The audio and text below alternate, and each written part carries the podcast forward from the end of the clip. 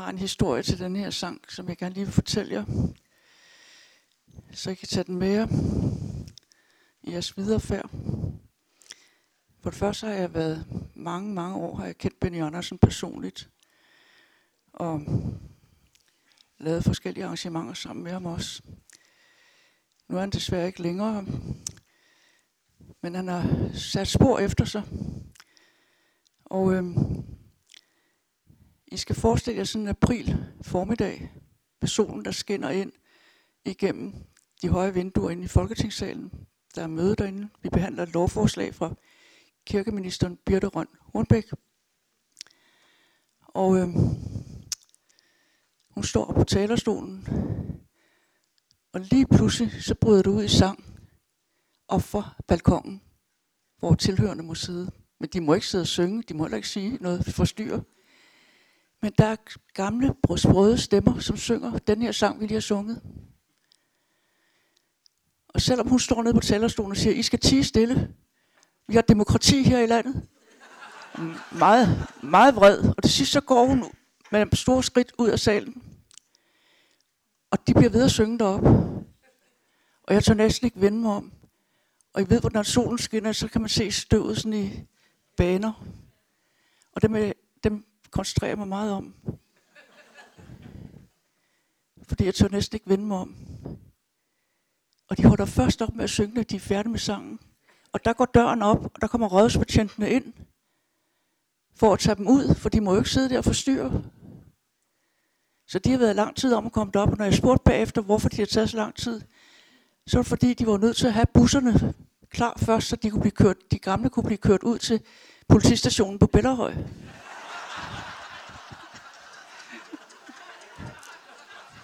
Og der blev de kørt ud. Og de fik en bøde på 3.000 kroner, som blev halveret til det halve. Ja, ja. Så det er, det er en sang, jeg forbinder med bedsteforældre for asyl. Som er den gruppe, der foran Sandholmlejren søndag efter søndag har stået og sunget til fordel for flygtningebørn. Og anstændige vilkår i Danmark for flygtningebørn. Og der er nok at lave stadigvæk. Så det er en historie, som jeg egentlig synes er meget sød, meget god. For den er velment. Og jeg takker for de folketingsbetjente, der havde konduite nok til at vente med at hente bedsteforældre fra syl, til de havde fået busserne klar.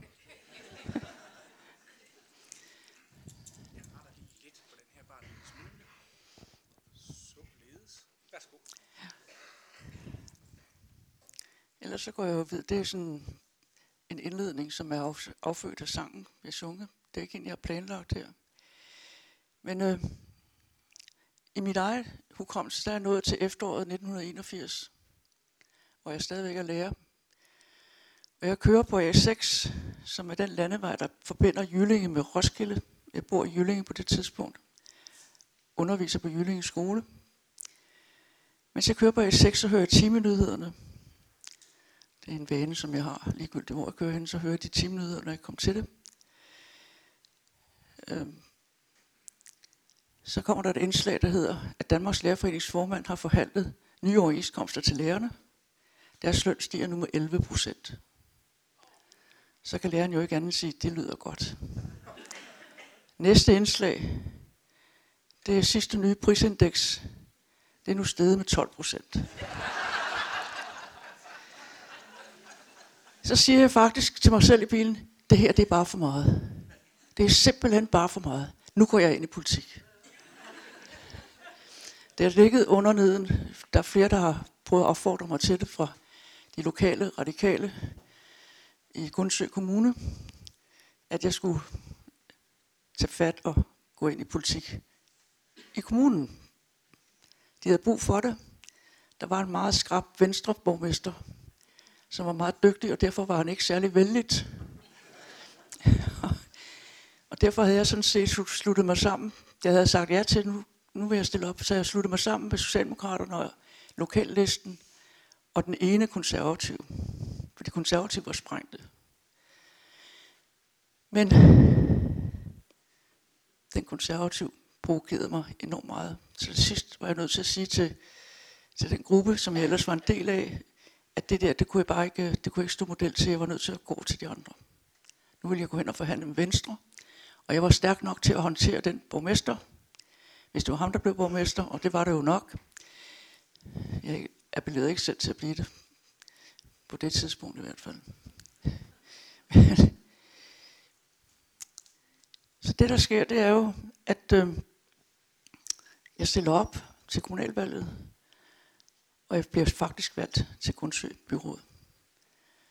Og jeg bliver konstitueret sammen med Fremskridspartiet, Venstre, resten af de konservative, og så mig. Det giver lige et flertal. Så min stemme er altså afgørende. Så derfor der var meget diskussion om, hvorvidt jeg stemmer det rigtige sted, eller jeg skulle flytte mig et andet sted hen. Men jeg havde truffet min beslutning, og jeg skulle nok holde, håndtere den venstreborgmester. Og for at dokumentere det over for omgivelserne, inklusiv Roskildeområdet for eksempel, så gjorde det på den måde, at øh,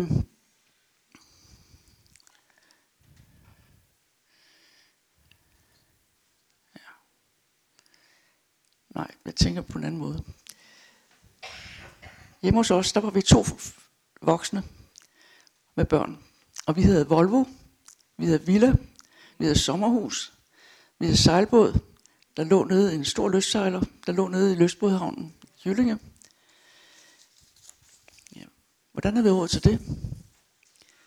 Ja, det havde vi, fordi vi kunne låne nogle penge, og så kunne vi trække 73 procent af vores renteudgifter fra i skat. Det var tider. I løbet af nogle år, så har man ligesom høvlet den gæld af, man havde stiftet, og så kunne man begynde forfra igen med en ny gæld og købe nye ting. Sådan var det. I 70'erne der havde vi i Danmark devalueret tre gange. Folks opsparing blev mindre og mindre værd. Mine forældre de flyttede til Schweiz og tog deres penge med derned. Også for at demonstrere, at de ikke ville leve i et land, der blev styret de radikalt på den måde, som det skete.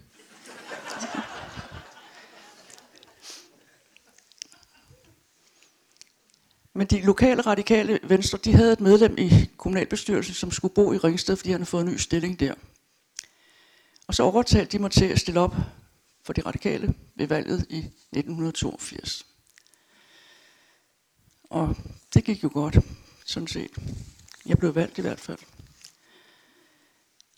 Så på det tidspunkt, der var min situation, at jeg var lærer for Hellerup Seminarium. Jeg var blevet kantpæd i dansk fra Danmarks Lærerhøjskole, fordi jeg så troede, jeg kunne få lov at undervise børnene inde i byen øh, på Nøstensgård skole, men det kunne jeg ikke. Altså de realen, der sad nogle, de faste lærere, de ville ikke give deres opgave der. Så det endte med, at jeg måtte tage til Jyllinge for at få nogle andre udfordringer. Så der blev jeg lærerrådsformand, og så blev jeg fælleslærerrådsformand i Gundsø Kommune timelærer ved Danmarks Lærerhøjskole, formand i Dansk Lærerforeningens Folkeskolefraktion, medlem af Gundsø kommunalbestyrelse og viceborgmester. Det er sådan set meget godt skruet på en gang. Samtidig med, hvor lærer selvfølgelig havde elever, som jeg skulle varetage opgaven for. Jeg blev medlem af bestyrelsen i Roskildekredsen, og medlem af hovedbestyrelsen i partiet, og medlem af KL's kontaktråd med mere. I valgkampen, der gik jeg som sagt i gang med at bryde op med det, jeg havde stillet op sammen med, og bekendtgjorde, at øh, det er ikke fordi, der er højere magter til stede. Det var der nemlig nogen, der påstod. Så jeg gik til mine øh, venner i S- og lokallisten, og gik altså sammen og konstituerede mig med hovedfjenden, de borgerlige inklusiv den udmærkede Lasse, som var medlem af Fremskridspartiet. Så det var nye tider, også for mig sådan set. Vi diskuterede den politik, vi ville arbejde for, hvis vi kunne konstituere os sammen. Og øhm, Oberstløjtnanten, som man var, blev borgmester, og jeg blev så viceborgmester. Og jeg skulle nok vise, at jeg kunne styre den venstremand. Og jeg havde forlangt at få det, som man kunne få der, nemlig jeg kunne få 10 procent af det, borgmesteren fik. Og det skulle jeg også have for at demonstrere, at jeg var mine penge værd. Men det skulle jeg jo aldrig have gjort, for det blev virkelig farvet i hele omkredsen, eller omegnen, at jeg skulle endda også have penge. Øhm. Men jeg havde også fået lavet den aftale, som bagefter viste sig at være ulovlig, men det vidste vi ikke på det tidspunkt, at jeg deltog i ledergruppemøderne sammen med borgmesteren. Så kunne jeg lære noget ret hurtigt, hvilket også var rigtigt. Og det vil sige, at jeg sad med i hele den måde, politikken blev arrangeret og tilrettelagt på i Gundsø Kommune. Det synes jeg var meget kvikt gjort. Og det var også for at vise, at jeg mente det alvorligt, alt det, jeg havde sagt, og jeg skulle nok få styr på det her. Konstitueringen, den skulle foregå i storrum i blok 6 på Jyllinge Skole. Fordi man havde fornemmelsen af, at det her ville trække rigtig mange borgere til sig. Hvilket det også gjorde. Og for at være helt sikker på, at der ikke tilstødte mig noget på vej til det her konstituerende møde, så skulle fremskridsmanden hente mig, hvor jeg boede, og følge mig af cykelstisystemet op til Jyllinge skole, så jeg kom hele skinnet op til skolen.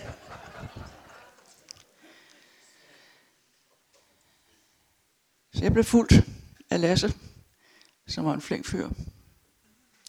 Og han sørgede for, at jeg ikke kom til skade. Stemningen var jovial og blandet med øh, ophidselse. De lokale aviser var velmødt. Jeg fandt min plads og satte mig der midt i mit eget storrum på Jyllinge skole og kiggede mig omkring. Og på det tidspunkt, så havde jeg aldrig nogensinde før mist, haft så stort behov for en cigaret. Men jeg vidste også, at hvis jeg tændte den cigaret, så ville mine hænder ryste, og så ville de se det. Så jeg skulle lige finde ud af, hvordan jeg håndterede den situation, inden jeg gjorde det. Så først tog jeg altså pakke med cigaretter op på bordet. Sammen med lighteren. Og så fandt jeg ud af, at hvis jeg havde placeret albuen på den her måde, så kunne jeg styre både cigaretterne og lighteren og det hele, uden at jeg rystede på hænderne. Og næste dag stod der i Roskilde Tidene med et kæmpestort foto på mig på forsiden, med cigaretten i hånden, og så rystede hun ikke engang på hænderne. ja, ja. Så det var da meget kvikt løst, den her.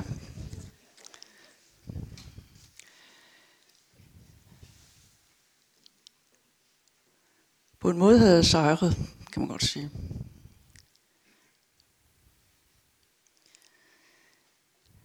Men jeg havde mange sjove oplevelser ved at være derude i den kommune.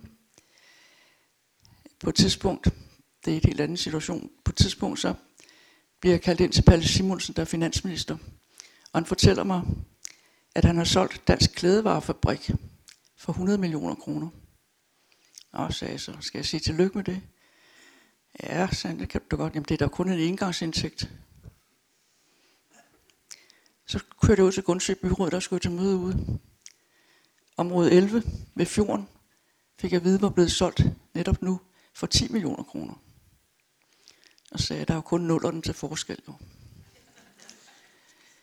Men det er meget, at sådan alvorlige voksne mænd kan blive glade over, at de kan sælge noget, og så få en sum penge, som de ikke kan blive ved med at have, medmindre de lader være med at bruge den.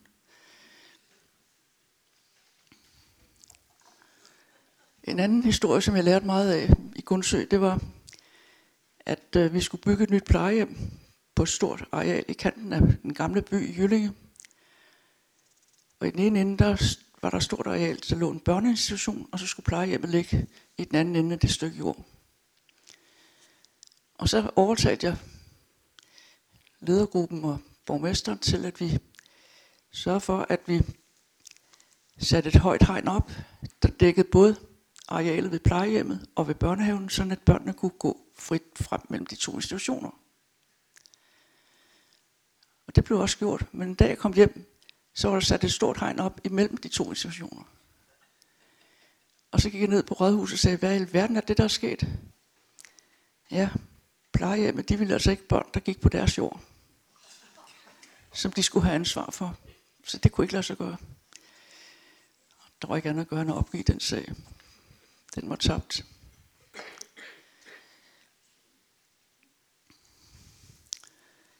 Når jeg bliver valgt i Roskilde til Folketinget i 1987, og igen i 1988. Og det er mærkeligt, fordi der er ikke et, der er ikke et helt år imellem de to valg. Men det er fordi, øh, der er stor ballade, kan man sige, på Christiansborg.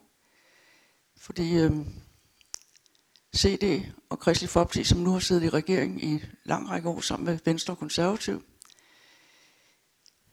de opdager lige pludselig, at de ikke er vellønnet. De bliver ikke budt ind ved det efter det næste valg. For der skal selv fem radikale ministre sidde. Og der dannes efter valget en ny regering med fem radikale ministre. Og i 1990, hvor valget danner, slutter regeringen, der danner slutter regeringen alene regering sammen med Venstre. Jeg har tabt tre mandater. Jeg er i sidste øjeblik bestillet stillet op i Jørgen. Der var nogen i Jørgen, der synes at jeg ikke skulle stille op der, hvor jeg, ikke, hvor jeg ville tabe et valg.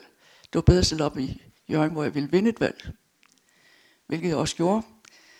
Så derfor har jeg faktisk været kandidat i Jørgen siden 1992. Og jeg er der stadigvæk. Men jeg har sagt, at jeg holder op. Så det er lang tid, og de har endda ikke boet derop. Men de har accepteret, dem der valgte mig i Jørgen, de har accepteret, at øh, jeg boede i København, men jeg kom derop, når der var brug for det. Men vi har som sagt tabt tre mandater, så vi har kun syv mandater tilbage i den radikale folketingsgruppe. Og nu kom det meget spændende, fordi nu var der jo ikke nogen af dem, der var ansat i anførselstegn et sted, hvor de kunne gøre gavn med deres mandat. De var sådan set uden for regeringssamarbejde. Og det er heldigvis sådan, hvis man ser for sig et bord, der er lidt aflangt, hvor jeg sidder for bordenden, og der er tre på den ene side, og der er tre på den anden side, radikale. De tre på den ene side, de støtter mig. Og de tre på den anden side, de støtter en af dem, der sidder på den anden side. Ja, ja. Så jeg kunne bare blive siddende, indtil de fandt ud af at få en anden til at sidde der, hvor jeg sad. Hvis de kunne det. Og nu er regelsættet var på det tidspunkt i det radikale venstre på landsplan. Det var, at gruppeformanden var den, der var lederen af de medlemmer, der var i Folketinget, som ikke var i regering. Og det vil sige, at jeg var, så længe jeg blev siddende der, at de ikke kunne blive enige om at finde en anden, så var det mig, der var lederen. Og så, blev, så sidder jeg der i en hel del år. Og det bliver man ikke populær af i halvdelen af gruppen, men i den anden halvdel, der bliver man rimelig populær. Men det kalder man en magtkamp. Og det er, det er sådan noget, man på en eller anden måde skal man lære at leve med det.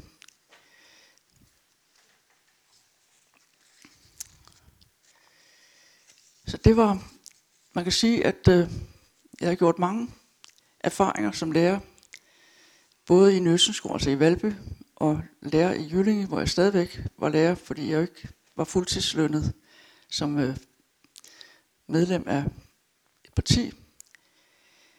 Øhm, Anker Jørgensen går af, Slytter bliver statsminister i 1982, som alle husker.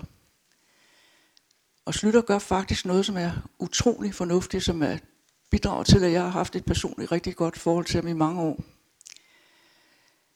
Han aftaler med Venstre, at det er ham, der skal være statsminister. Konservativ er større end Venstre, så det giver sig selv. Men han gik i gang med at sanere økonomien i Danmark. Han afskaffede dyrtidsregulering, hvis I kan huske den. Det er jo faktisk vanvittigt at have sådan en dyrtidsregulering, der hele tiden løfter vores lønninger. Han gik til Nationalbanken med det samme den første dag, han overhovedet kunne gøre det, og aftalte, at nu skulle der være fastkurspolitik i Danmark. Og regeringen laver en skattereform, der reducerer de 70 procent, man kunne trække fra, 73 procent, man kunne trække fra i skat, til 50 procent i rentefradrag. Og så laver slutter også den pensionsreform i 1987, som øh, jeg fortalte om sidste gang, eller en af de forrige gange, hvor nutidens borgere sparer op til den, deres pension. Og nutidens borgere betaler pengene til opsparingen. Det er det eneste sted i, i verden, man gør det på den måde. Og det er virkelig sund fornuft. Og det er sjovt nok at tænke sig, at selvom vi reklamerer med den måde at gøre det på, også i EU-sammenhæng, så er der ikke nogen, der tager mod til sig og ændrer sig på den måde. Vi forsøgte faktisk de baltiske lande, da de skulle hjælpes i gang. Men øh, de kunne ikke forstå mekanismen i det. Nu er de ved at lære det i EU. Så de ved godt, at vi skal selv bestemme, hvordan vi finansierer den type udgifter.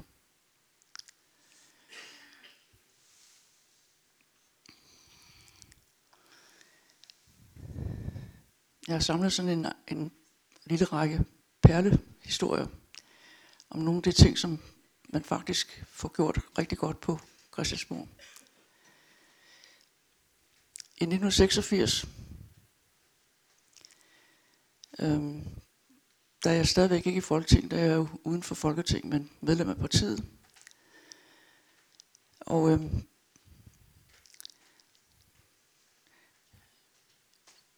Slytterregeringen, de vil lave en øh, vejledende folkeafstemning for ens, enstemmighed til flertalsafgørelse.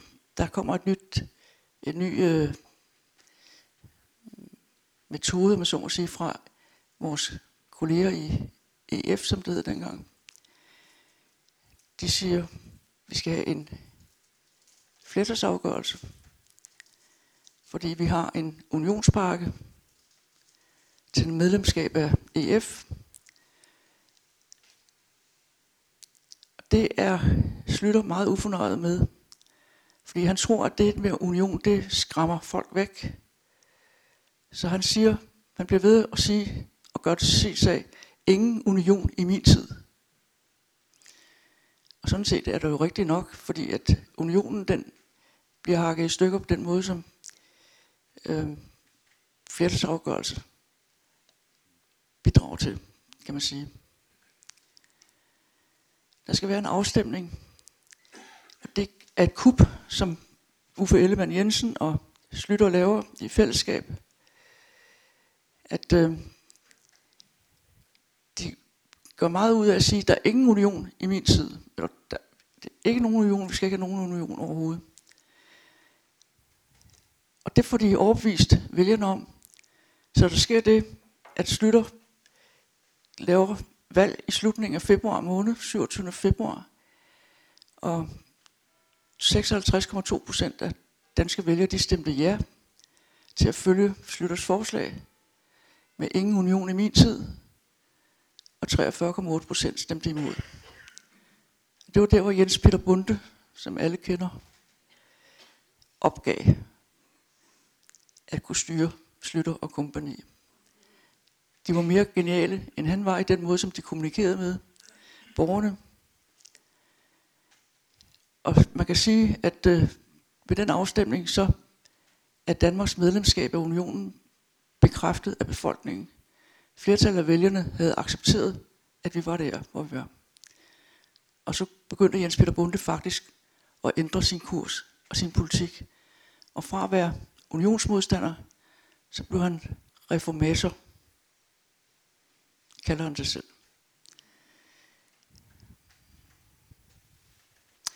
Jeg, kan ikke se, jeg var jo ikke i Folketing på det tidspunkt, vi havde den afstemning. Og jeg gik hen til Niels Helve og sagde, at det er sidste gang, jeg argumenterer for et nej, når jeg mener, at det skal være et ja. Og det er sådan, har jeg holdt det siden.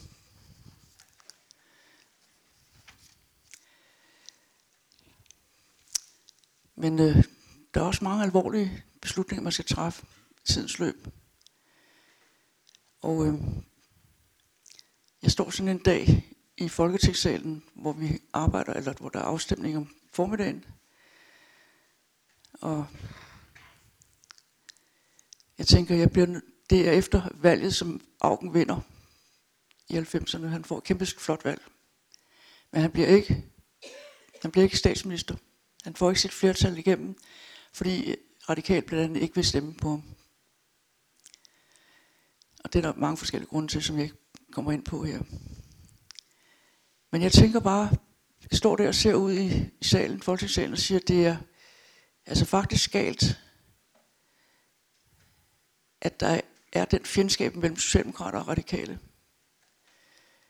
Så nu vil jeg se, om jeg ikke kan komme i snak med en socialdemokrat. Og jeg står og kigger mig omkring, hvem jeg skal finde på at gå hen til.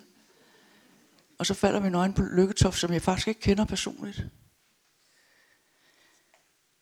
Og så går jeg hen til ham. Det er midt i folketingssalen, altså der øh, taler på, står på talerstolen og så videre. Arbejdet fortsætter jo, selvom jeg går hen til Lykketoft. Og så siger jeg til ham, har du mod på at diskutere politiske fjendebilleder? For så kan jeg den 1. maj kl. 19.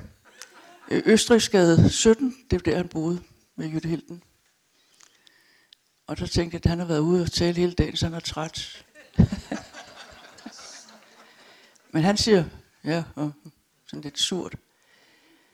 Og jeg kommer så 1. maj og ringer på døren, og bliver lukket ind, og han har nogle voksne, eller næsten voksne unge piger, som er, har venner på besøg, så der er huden og larm og ballade der.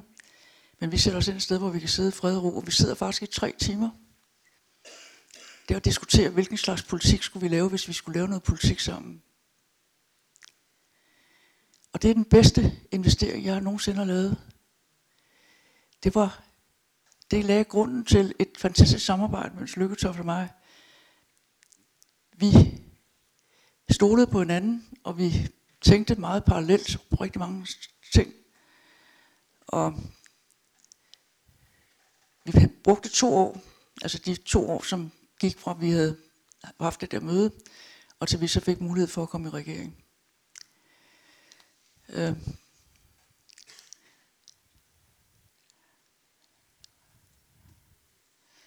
Ja.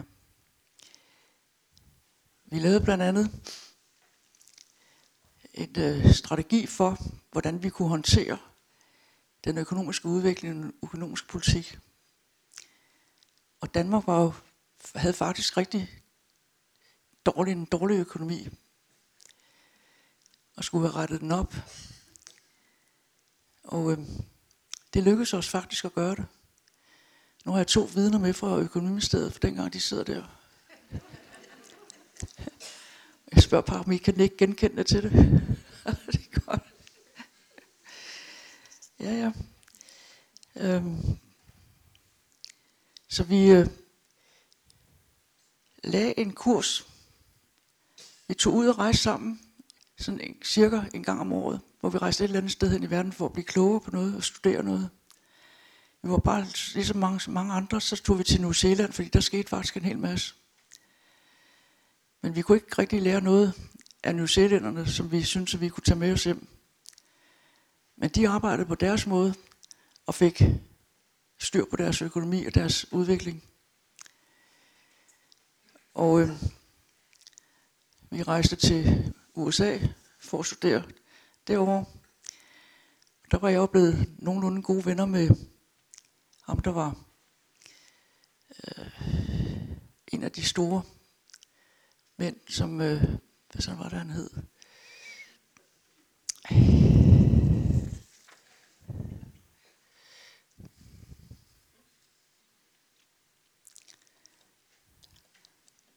kender ham udmærket. Bent? Nej.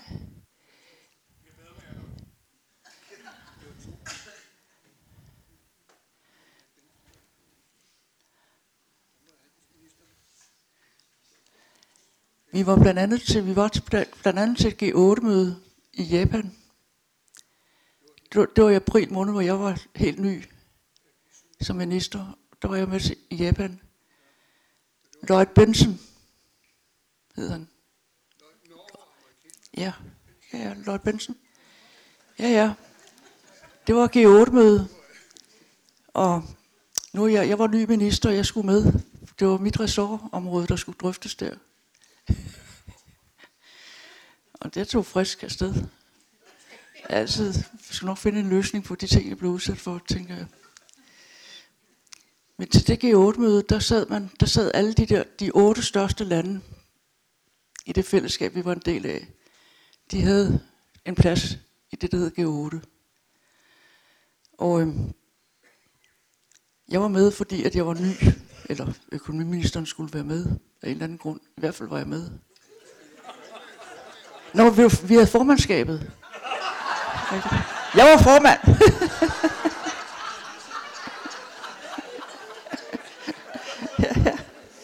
ja. jeg I griner. Øhm, og hvad var det venstremanden, som ikke blev formand, var nu han hed?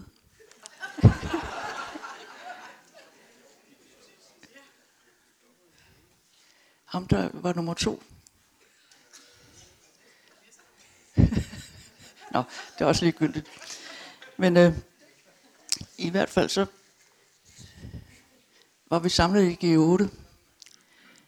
Og der skulle være et, øh, en begivenhed, hvor to russiske økonomer kom på besøg for at få gode råd og få nogle penge fra G8. Russerne havde det rigtig elendigt økonomisk, og de skulle have en håndsrækning. Alt det var der ikke nogen problemer i. Det, der var lidt interessant for mig at jagtage, det var jo, at alle de mennesker, som var medlemmer af G8, de skulle alle sammen have ordet og overgå hinanden i sjovhed og geniale forslag osv. osv. Der skete ham Lloyd Benson, han sad bare fuldstændig stille. Den amerikanske øh, finansminister. Til allersidst, så tog han ordet, og da de der to fra G8 var kommet ind, eller de to fra Rusland var kommet ind, og forklarede deres økonomiske situation derovre, så tog Lloyd Benson ind i ordet, og så sagde han fuldstændig stille og roligt, jeg synes, vi kan være beroliget, at det klogskab, de to kommer med. Skal vi ikke lade dem ordne det, der er deres?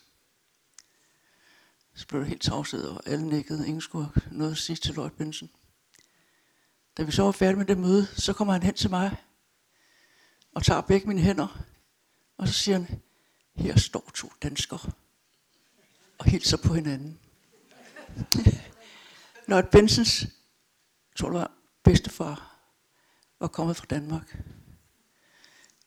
Det var da også en meget god oplevelse. Jamen, sådan kan man samle perler på en snor. Og øhm, ja.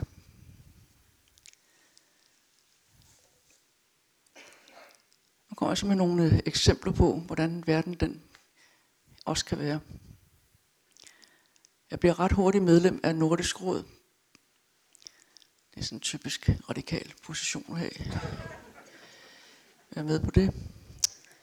Og øh, der er et 40-års jubilæum, som skal fejres i Helsingfors. Og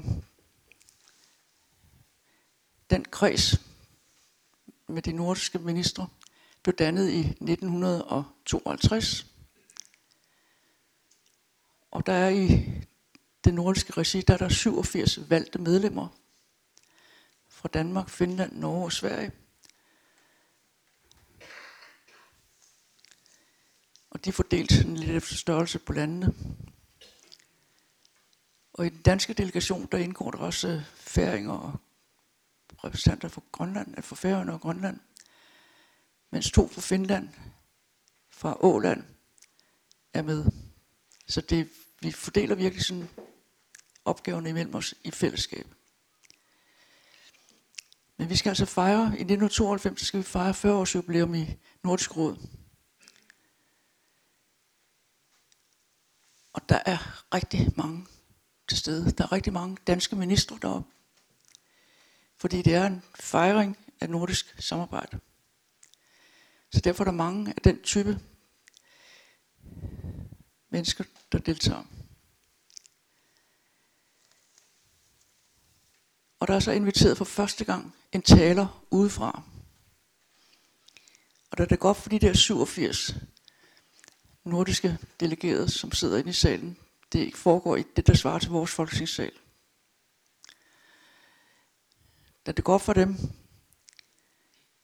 hvad der er ved at ske nu, at Kohl, Kohl fra Tyskland skal komme og holde indlæg på Nordisk Råd.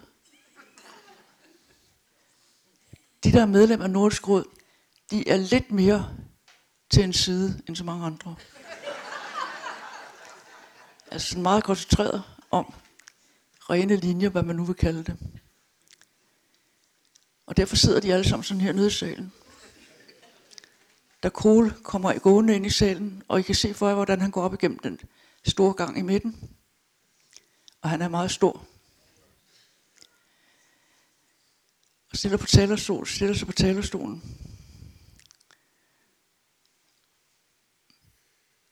Jeg sidder og tænker, hvorfor i alverden har de inviteret ham, når de er så sure over det?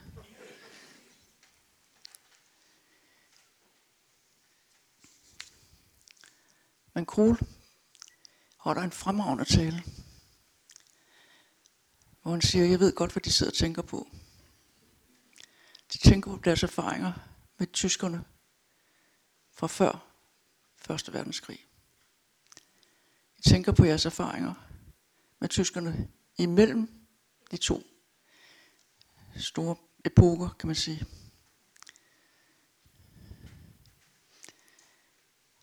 Og I skal vide, når jeg står her, så ved jeg også godt, at I tænker på tyskerne under 2. verdenskrig. Men nu skal vi hjælpe ad med at få en bedre verden. Og så holder køren den linje. Og faktisk så sidder de alle sammen efterhånden og slapper af og lytter til ham. Og han går rent ind og bliver en succes. Han var virkelig dygtig god til den slags ting. Da Slytter skulle rejse til Edinburgh for at forhandle en løsning på det danske nej, hvilket var en svær opgave, så sagde jeg til, så sagde jeg til Slytter, hvis det bliver svært, så beder du bare om at Kohl gå med udenfor, så kan I lige snakke om det.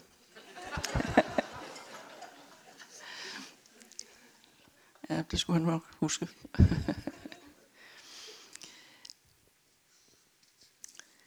det er sådan nogle fantastiske historier, i virkeligheden med mennesker omkring en, som er optaget og engageret i politik. Øhm, Anker Jørgensen han må jo gå af i september 82, uden at udskrive valg. Og slutter, overtager sig magten og bliver statsminister. Og han afskaffer dyrtidsreguleringen.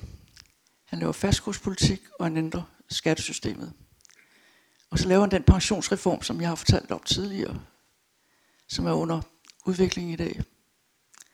Og som betyder, at dagens danskere sparer selv op til deres pension. Mens i andre lande, der er det nutidens borgere, der betaler pensionen for dem, der er pensionister. Det er to helt forskellige måder at tænke på.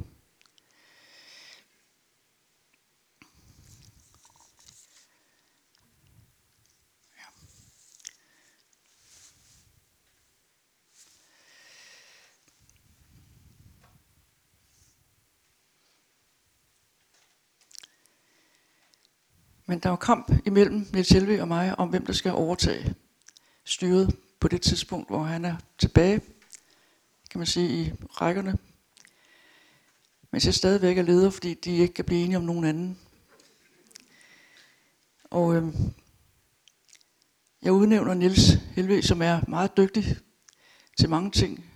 Udnævner, udnævner, udnævner ham til at øh, være udenrigsminister.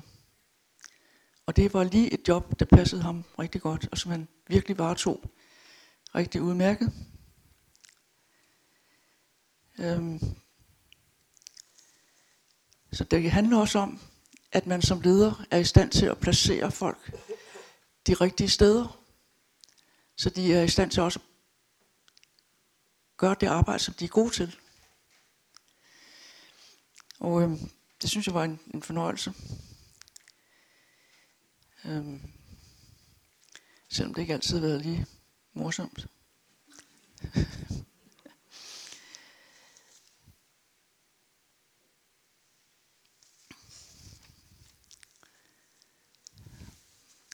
Så vil jeg lige fortælle en anden historie om en dame, som jeg er blevet fortrolig med i, en, i anførselstegn, altså, som jeg har mødt i nogle sammenhæng. Hillary Clinton. Og øh,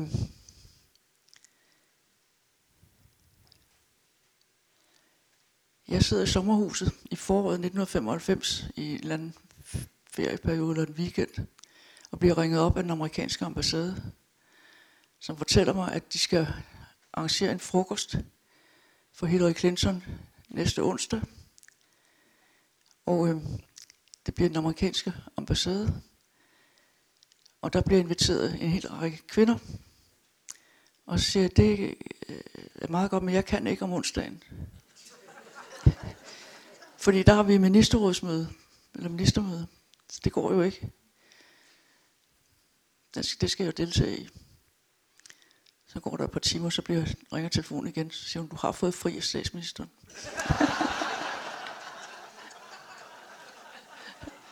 så var der ingen vej udenom. Og jeg ved præcis, det er jo fordelen med sådan nogle steder. Jeg ved præcis, hvad der kommer til at ske. Jeg ved, hvor jeg kommer til at sidde. I midten i centralt, der sidder selvfølgelig verden. Ambassadørfruen.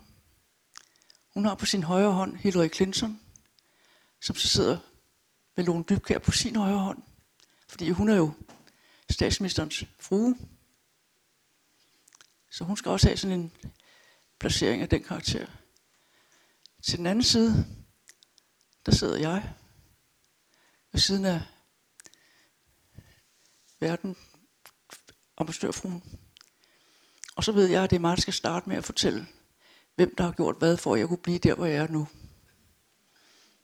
Og jeg tænker som en gal. Hvad skal jeg finde på at sige? Ja, ja.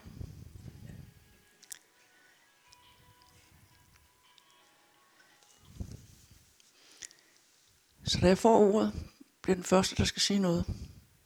Så rejser jeg mig op, og så fortæller jeg, at jeg har været på studietur i USA det, alle lovende politikere bliver inviteret på sådan et, nogle uger, tre-fire uger på studietur i USA. Det har jeg også, og omsider sagde ja, og det var jeg sådan set glad over på det tidspunkt, at, jeg, at det havde jeg så også været.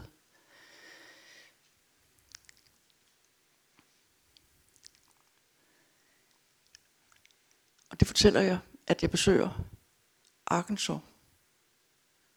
Var det ikke der, han var guvernør? Jeg besøger Arkansas, fordi jeg, han, jeg studerer god pædagogik og den slags ting. Og så bliver jeg anbefalet at besøge Arkansas. Og det gør jeg så.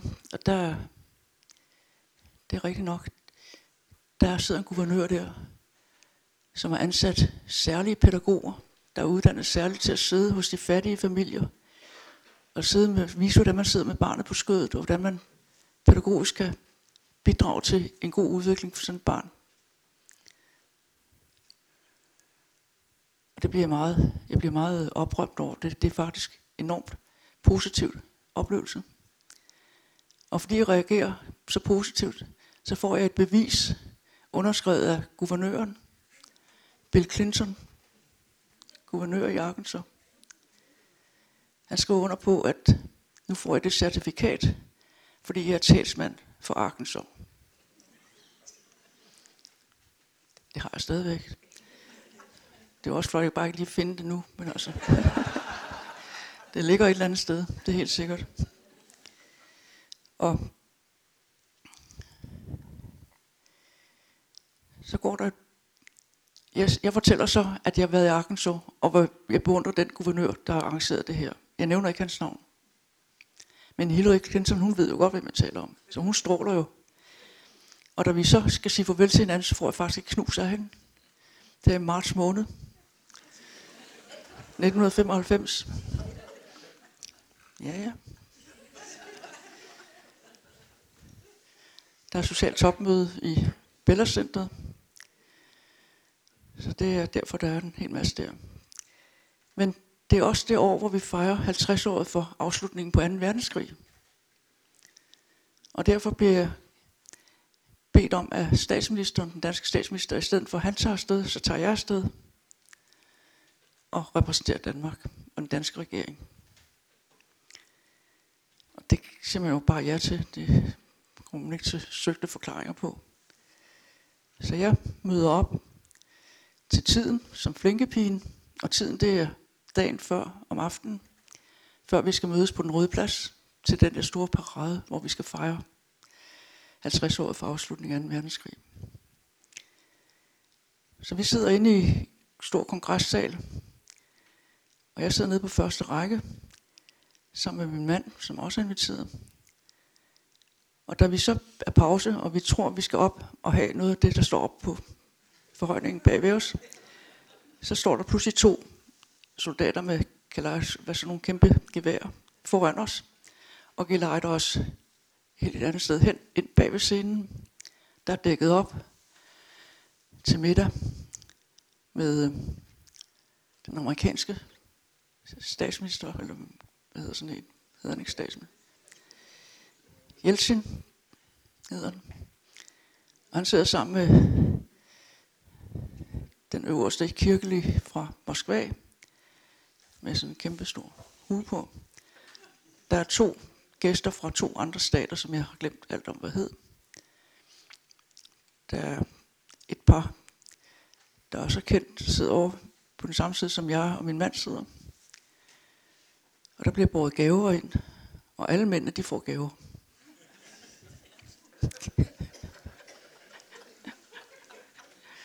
Og der er ingen af dem, der aner, hvem de to, der sidder der fra Jyllinge skole. De aner ikke, hvem vi er. De ved ikke, hvor vi kommer fra. men øh, det får de så at vide i løbet af aftenen. Ikke af os, men nogle andre. Og det vil sige, at jeg bliver, hver gang jeg møder, møder ham i et eller andet sted i alt det, der sker den næste dag, så får jeg knus af ham. og min mand, han bærer alle gaverne hjem.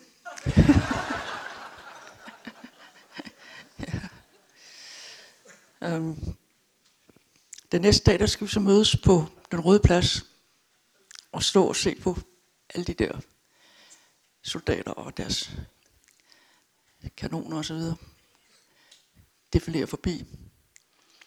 Og Flinkepigen som sædvanligt, hun kommer jo som den første. Og jeg stiller mig i det hjørne, der er længst væk på den trappe, hvor man kommer ind fra.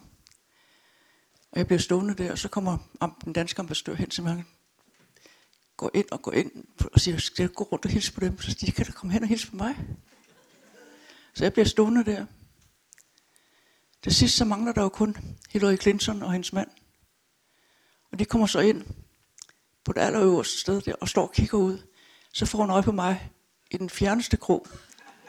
Så griber hun Bill Clinton om håndledet, trækker ham med igennem folkemængden og råber, Hey Marian, you're my, you're my best memory from, from Copenhagen. Det er den måde, man laver netværk på. Så Hillary Clinton og Marianne, de, de ved godt, hvem de er. Så det var en, sådan set en spændende, spændende tid at være med i, om man så må sige. Nu er jeg kommet til en par side her. Hvad er der? Du ser opgivende på mig.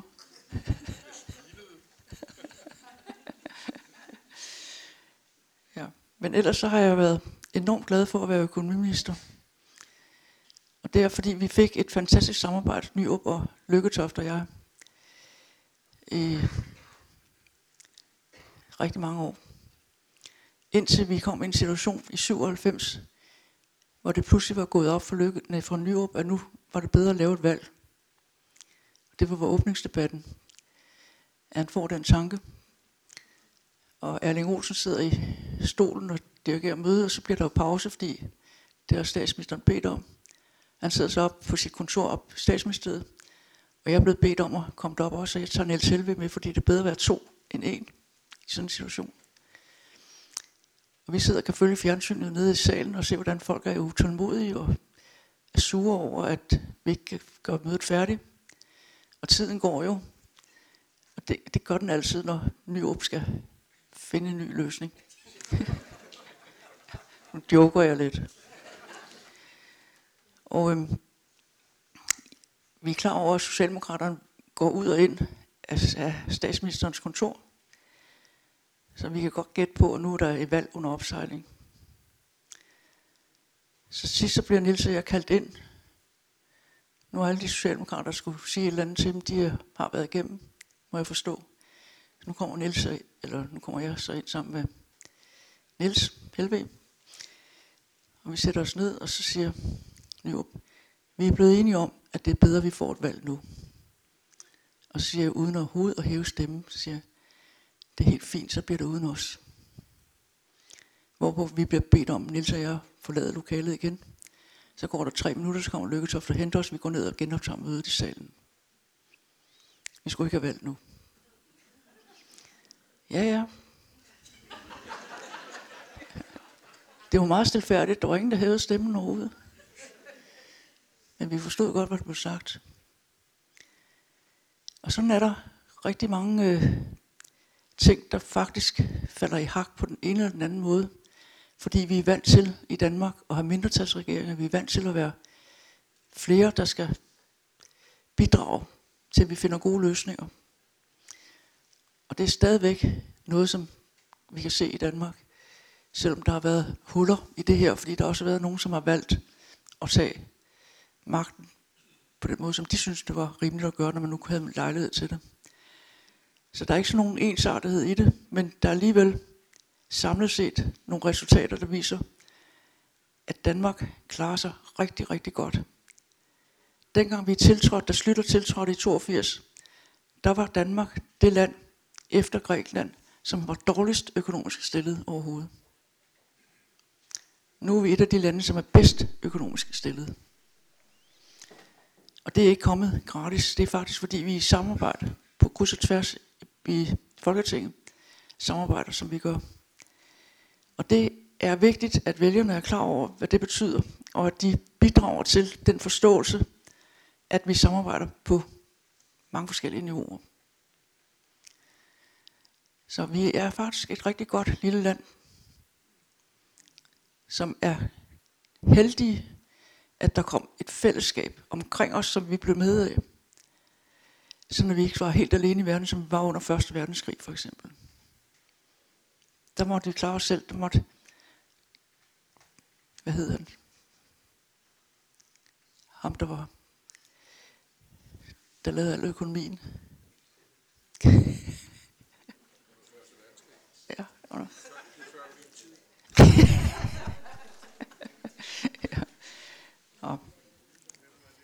At det var ham, der også gik ind og hjalp under 2. verdenskrig. Skavenius, ja. Skavenius. Nej, det var han ikke, men han var, fungerede godt under den første verdenskrig. Han forhandlede først med englænderne, og så forhandlede han med tyskerne. De vidste begge to, at han forhandlede med hver især fordi han skulle sørge for, at vi fik mad at spise i Danmark. Og det gjorde han faktisk flot under første verdenskrig. Jeg sat ham meget højt, fordi jeg synes, han han har været en meget, meget dygtig. Jeg laver ting, som jeg er uenig i, men det er jo ligegyldigt. Han har sørget for, at vi fik styr på tingene i Danmark. Også dengang, hvor vi var helt alene, og ikke havde nogen relationer til nogen andre. Og det er i hvert fald sådan noget, der lærer mig og danske politikere, at det er vigtigt, at vi har på kryds og tværs samarbejde. Så vi altid kan bidrage med store brede flertal. Så det er den arv, vi har. Og den skal vi være glade over og stolte om. Så tak for ordet.